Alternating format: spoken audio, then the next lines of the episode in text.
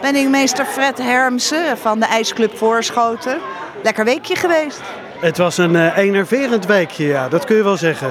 Het, het hing erom natuurlijk. We hebben maar één dag kunnen schaatsen, maar die dag die was fantastisch. Absoluut. En hoeveel mensen hebben jullie gehad? We hebben, ja, dat is om het precies te zeggen, we, houden, we klokken niet, zeg maar, of we houden ze niet bij. Maar als we kijken naar de inkomsten aan de kassa, dan denken we dat er zo'n uh, 1500 uh, mensen geweest zijn. Waarvan een aantal leden natuurlijk en een aantal betalen. En dat zal ongeveer half om geweest zijn. Nou hadden jullie maar één dag uh, uh, ijs. Eén dag konden jullie open. Uh, er is natuurlijk een wens voor een skierbaan. Dan hadden het meer dagen kunnen zijn.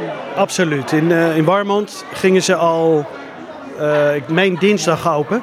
En bij donderdag, dat scheelt toch ja, twee dagen eigenlijk. En twee dagen inkomsten? En twee dagen inkomsten. Nou is dat niet het belangrijkste. Het gaat gewoon om dat je een enorme functie vervult in zo'n dorp. En dat zie je eigenlijk op die donderdag.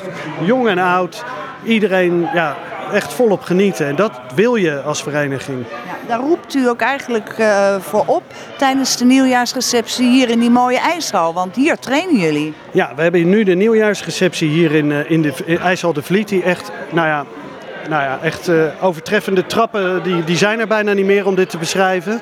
Zo mooi als het is. En het is ook heel druk. Er zijn 150 leden die nu hier van het ijs hebben genoten en nu, nu gezellig staan te borrelen. Uh, ja, en ja, die ijshal is niet bekend genoeg. Het is echt fantastisch wat hier is gerealiseerd door, uh, door Jos Arts en zijn clubpie. Ja. Maar de ijsclub groeit ook door die ijshal. Zeker. We zijn nu bijvoorbeeld... ja, het aantal jeugdleden is enorm toegenomen. Vorig jaar hadden we er zeven, nu zijn het er meer dan 50.